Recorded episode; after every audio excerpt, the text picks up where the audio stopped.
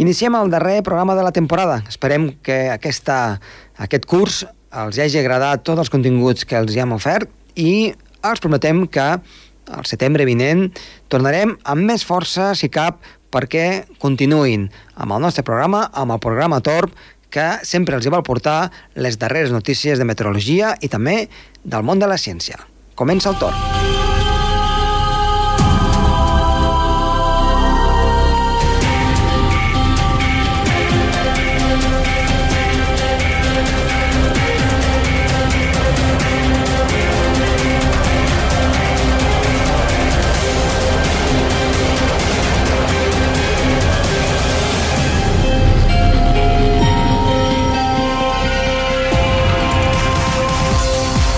En aquest darrer programa el que volem fer és un trio de meteoròlegs amb els nostres companys, igual que van començar doncs, el mes de setembre, volem acabar amb Roger Soler, que ens porta, com sempre, notícies de ciència, de meteorologia, amb Lluís Miquel Pérez, que també ens aportarà doncs, el seu granet de sorra, i un servidor de vostès, doncs, que farem una miqueta de tertúlia meteorològica, de més recomanada aquest any meteorològic, doncs, que ja s'acaba, si més no, des del punt de vista d'aquesta casa, des del punt de vista de la ràdio d'aquest programa Torp, tornant tornant, com diem, ja durant el mes de setembre. Som-hi!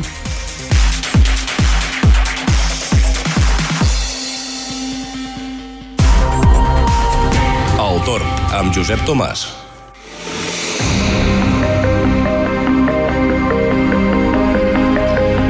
Doncs som en el darrer programa de la temporada. Tenim uh, les dues estrelles que llueixen per si soles a l'altre costat del fet telefònic, que són en Roger Soler i en Lluís Miquel Pérez. Molt bona tarda. Bona tarda. Bona tarda, Josep. Doncs bé, eh, avui tenim trio de meteoròlegs i doncs comencem a jugar una mica a les cartes. Eh, el motiu pel, que, pel qual us he fet doncs, una mica eh, que vinguéssiu, no aquí a l'estudi, però sí que estiguéssim doncs, eh, en contacte i que poguéssim fer doncs, una miqueta aquesta tertúlia, és per fer una mica de balanç del que ha estat meteorològicament la temporada aquí al Pirineu. I aleshores, eh, que us sembla si comencem una mica doncs, parlant de la tardor, eh, la tardor com va començar i eh, aquesta neu, aquesta neu que es va fer una mica de pregar. Què en penseu tot plegat? Comences, Luismi? Vinga, vale, perfecte.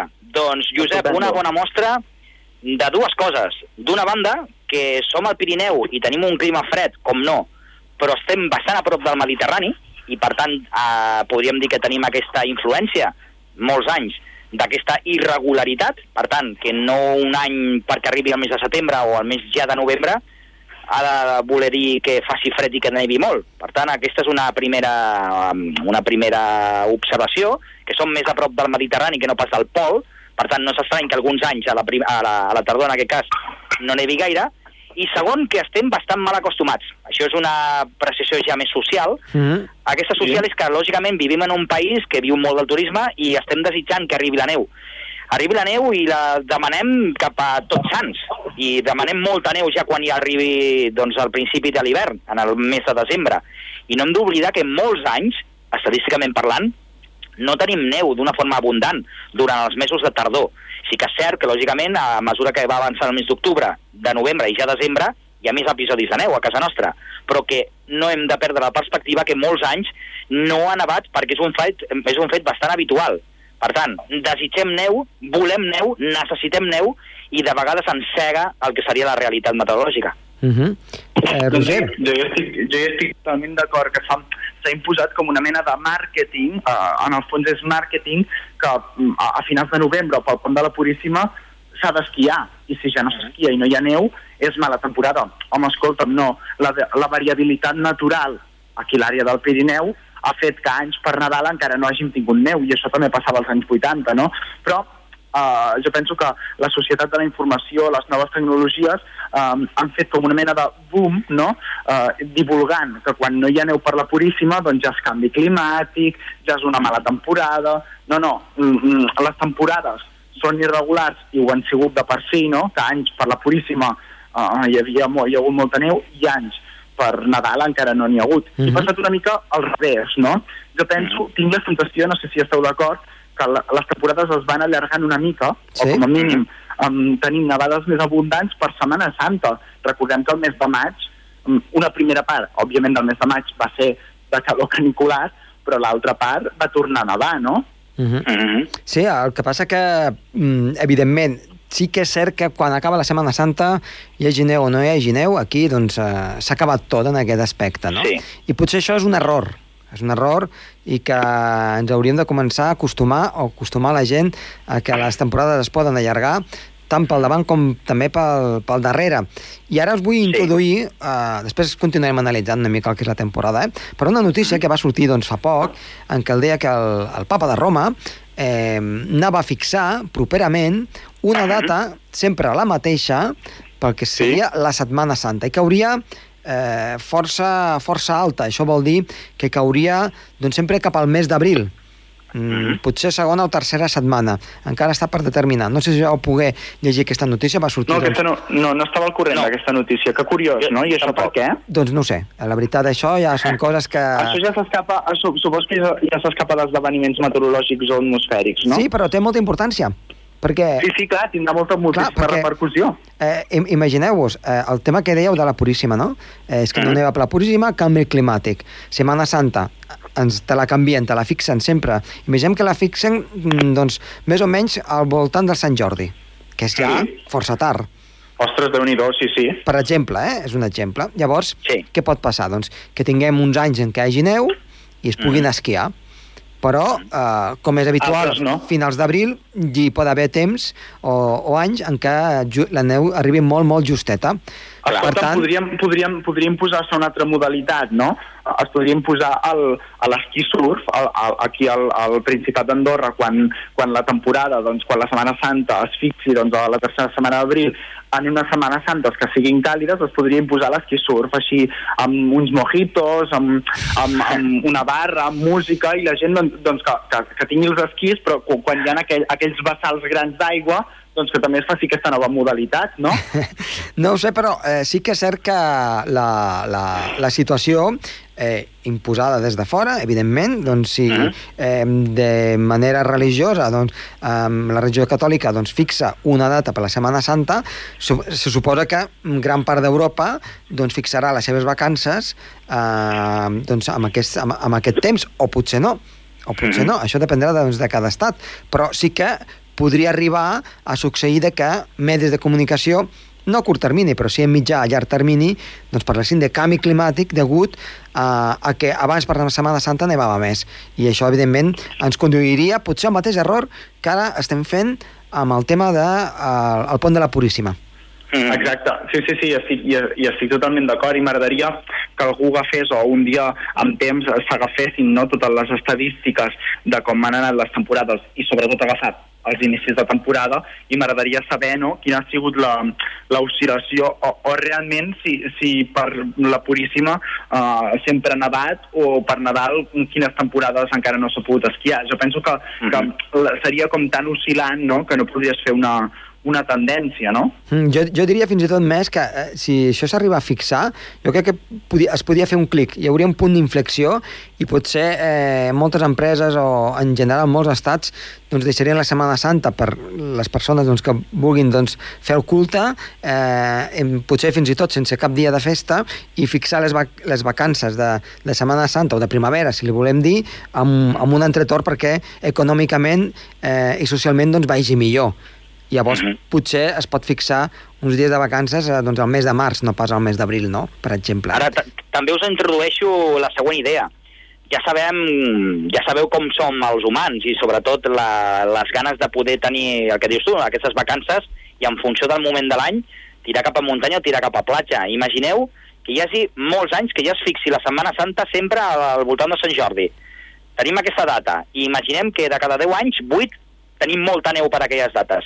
Voleu dir que igualment la temporada faria que, o tot i que la temporada s'allargués, faria que hi, ha, que hi hagués molta afluència de- d'esquiadors? O més aviat estarien ja pensant en la platja? Perquè, clar, estem parlant que a finals del mes d'abril no? el De sol pica, el sol comença a picar i la gent ja, tot i que hi hagi molta neu, eh, té més ganes d'estar a la platja que no pas a la muntanya. I sempre també ho hem de dir, que el mes sí, sí, d'abril sí. no és un mes de platja, per molt que la gent tingui ganes ja socialment d'anar-hi. Doncs sí. Estic totalment, estic totalment d'acord. És a dir, que el mes d'abril eh, la perpendicularitat dels rajos solars fa que eh, tinguem aquesta sensació de, de molt confort i de potser anar a la platja, prendre el sol, i jo penso que la gent ja està canviant. El mes d'abril, no?, ja canvia el xip. I recordo altres Sí. temporades, um, uh, consultant fonts d'informació i notícies, uh, algunes estacions d'esquí no obren, no, no, no allarguen la temporada, perquè és que ja no tenen esquiadors a les pistes d'esquí de, uh, per Sí, Setmana sí, Santa o, o, o setmanes posteriors. Jo penso que la Setmana Santa marca una inflexió, un impàs de, Mhm. de tenir ganes d'esquiar,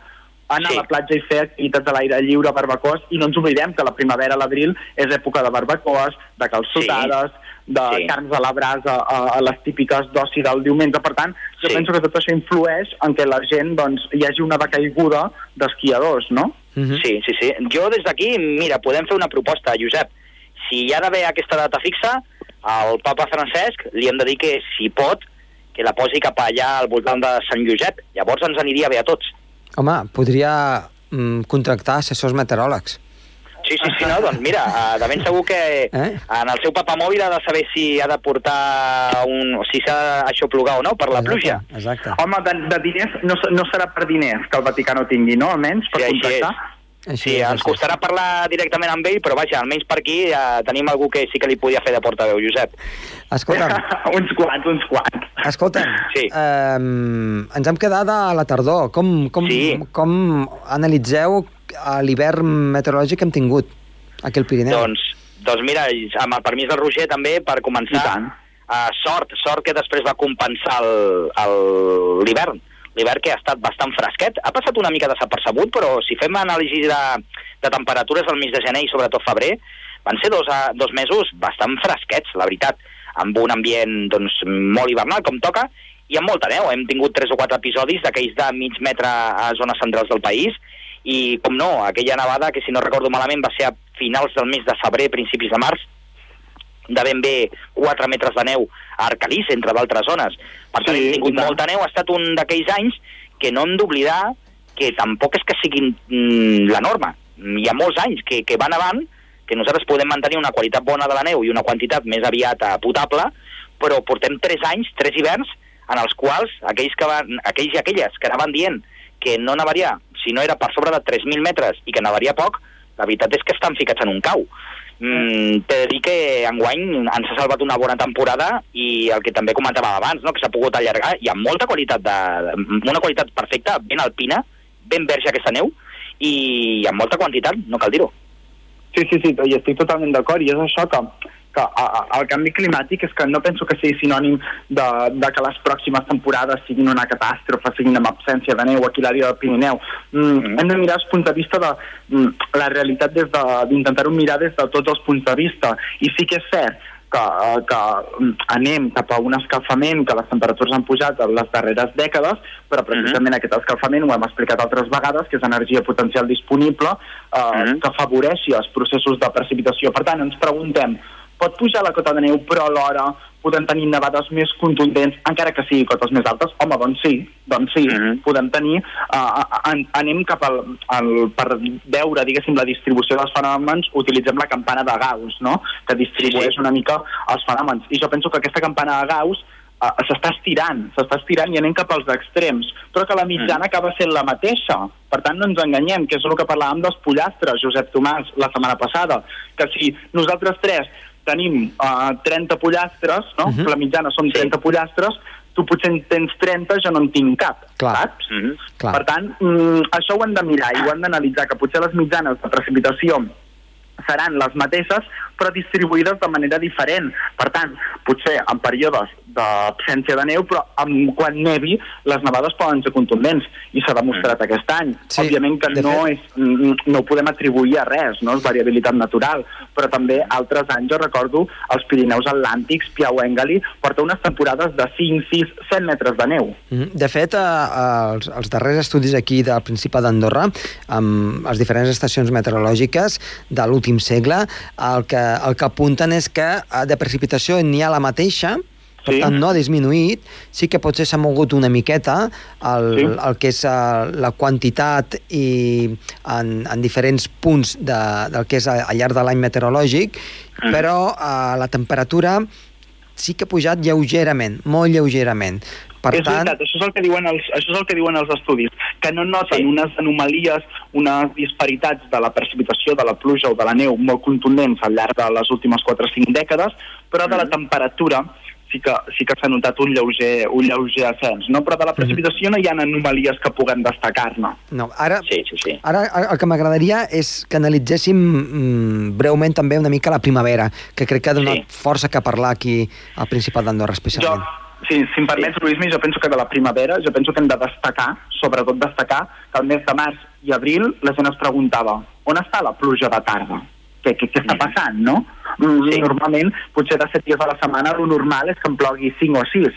Quants dies ha plogut durant les setmanes aquest mes de març i aquest mes de... Sobretot l'abril, destaquem sobretot l'abril i la primera quinzena de maig, Mhm. que cada dia Sí. un raig no s'ha complert. Jo penso que hem de destacar el dèficit eh, de ruixats de tarda, de tempestes de tarda, que hem viscut aquí a l'àrea pirinenca, no? Sí, sí. Sí, sí, sí. De fet, eh, jo ho resumiria de la següent manera, companys, que aquesta primavera, al final de tot, o sigui, a finals del mes de maig i ja al mes de juny, s'ha volgut cobrar tot el que no s'ha cobrat durant el mes de març i el mes d'abril, com sí, molt bé és comentava cert. Totalment d'acord, totalment d'acord, i que, i que això Mm. ens porta a pensar una altra vegada que el sistema s'acaba equilibrant, no? que, que Sí, sempre sí, s'acaba sí. compensant tard o d'hora. Sí, per tant, que un, un període sense precipitacions sempre tindrem després potser tempestes més fortes que en un dia Mhm. doncs, et puguin salvar um, una cinquena part de l'any. Olot, Sí, 14 sí, sí. juny, 100 litres per Ens metre anem- quadrat en 90 minuts. Ens Eh, n'anem a una mica als Sí, sí. extrems, eh? I ja per acabar, Sí, i de sí. forma molt telegràfica, eh, perquè ens queden només un, un parell de minutets, un minut i mig, dos, um, Mhm. el que voldria és que féssiu telegràficament una mica com penseu cadascú que ha de ser l'estiu meteorològic. Vinga, comença tu, Luismi. Roger. Fins al setembre, vaja. Endavant. Digues, digues, Luismi. Doncs mira, jo el que penso fins al setembre, dius, Sí. molt calorós, molt més dels últims anys, cosa que tampoc seria massa superable, no tindria massa mèrit perquè els últims anys no ha fet massa calor durant l'estiu. Enguany, molta calor i potser més del que podria ser més habitual, però alternat amb episodis de moltes tempestes. I a casa nostra doncs, les podem tenir com les hem tingut al llarg del mes de juny, per exemple. O sigui, en general, uns dies de més calor, de molta més calor, però amb episodis de tempestes fortes, sobretot ja a finals del mes de juliol i principis Sí. d'agost. I Roger? Jo, jo també, jo estic una mica a la mateixa línia que ell. Um, penso que tindrem més tempestes del que seria habitual. Um, no podem, òbviament, no podem concretar les quantitats, no? Però sí que penso que la freqüència de les tempestes serà superior en alguns episodis, anirà com en packs, no? Uh -huh. I sobretot la intensitat. Jo penso que les tempestes, precisament aquesta calor, aquestes altes temperatures alimentaran que les tempestes siguin fortes. Pel que fa a les temperatures, doncs també penso que serà un estiu càlid, un estiu amb temperatures o normals o superiors a les normals per l'època. Per tant, dels 30 a 35 graus en Julià de Lòria jo penso que els podrien marcar dia sí, dia també i forces dies. I un exemple serà la setmana que ve.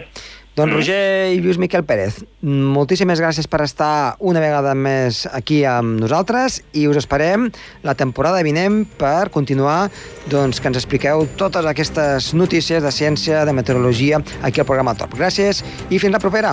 Bon estiu. Fins la propera. Josep. Adeu. Adeu.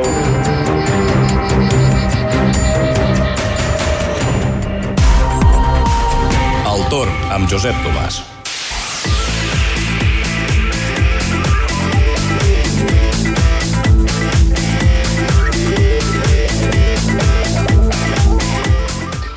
Doncs som-hi, perquè avui farem un especial també per totes aquelles persones que van a disputar doncs, aquesta prova tan bèstia, per dir-ho d'alguna manera, que és eh, doncs, l'Ultra Trail, amb les seves diferents competicions que estan incloses dintre d'aquest event al llarg de divendres, dissabte i també diumenge. I tenim molt bones notícies. Després, evidentment, farem una mica de predicció meteorològica fora del que és l'alta muntanya, però que ens escoltin bé totes aquelles persones doncs, que siguin o bé els organitzadors o bé aquells voluntaris que s'estaran doncs, pràcticament 48-72 hores a l'alta muntanya o també els corredors, essencialment, que és doncs, els que ho patiran en la seva pell. De fet, al llarg de divendres s'espera una matinada que no sigui massa freda, per tant, en aquest aspecte no hem de patir.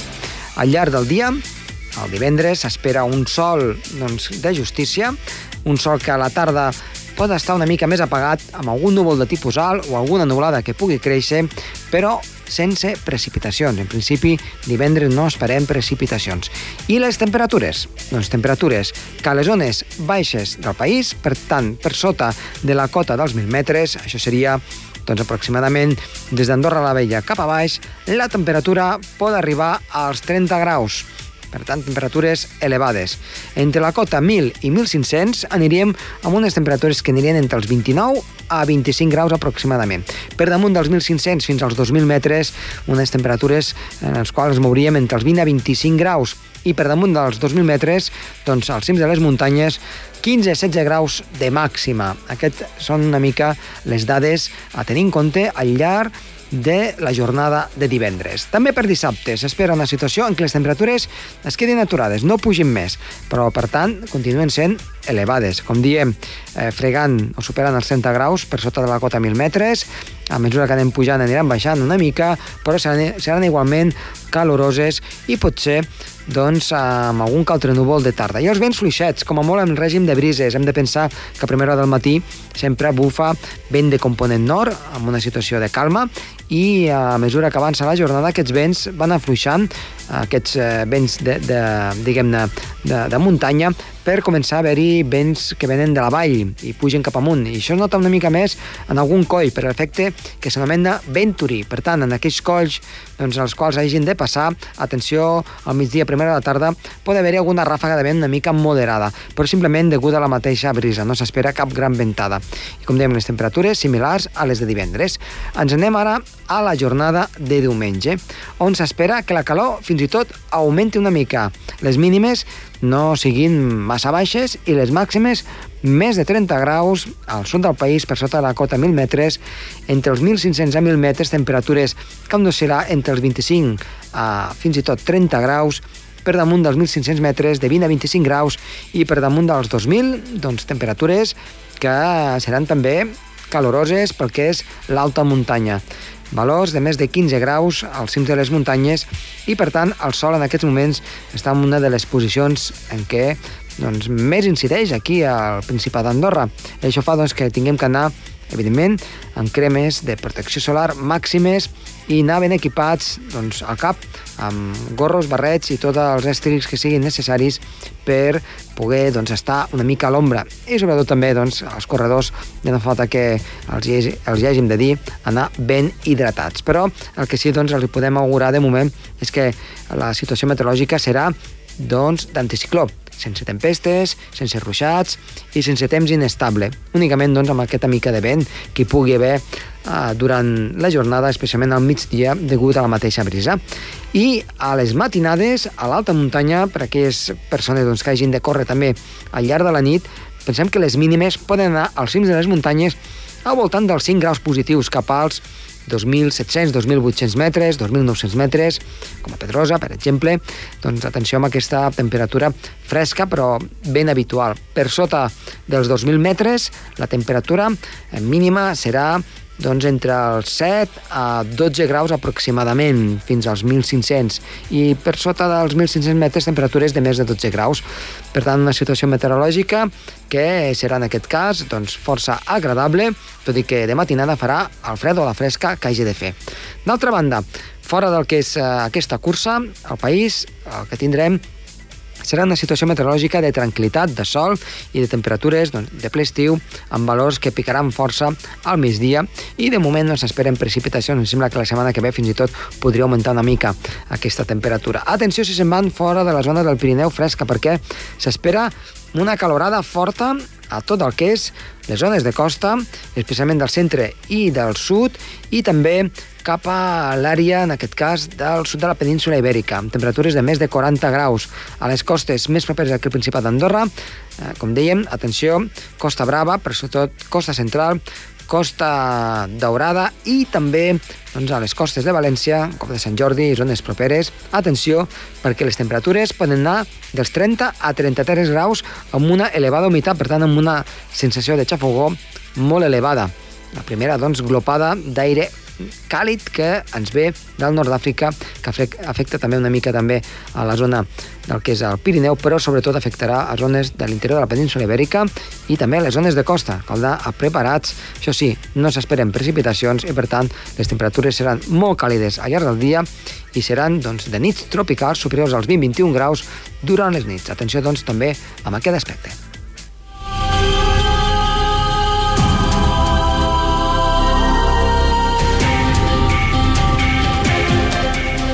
I fins aquí el programa d'avui. Tornem, doncs, després de l'estiu, tornem la temporada vinent amb un nou programa i amb molta il·lusió de poder estar altra vegada amb tots vostès. Ha estat a les vies de so Ricard Porcuna i parlat amb molt de gust, Josep Tomàs. Adéu-siau, bon estiu.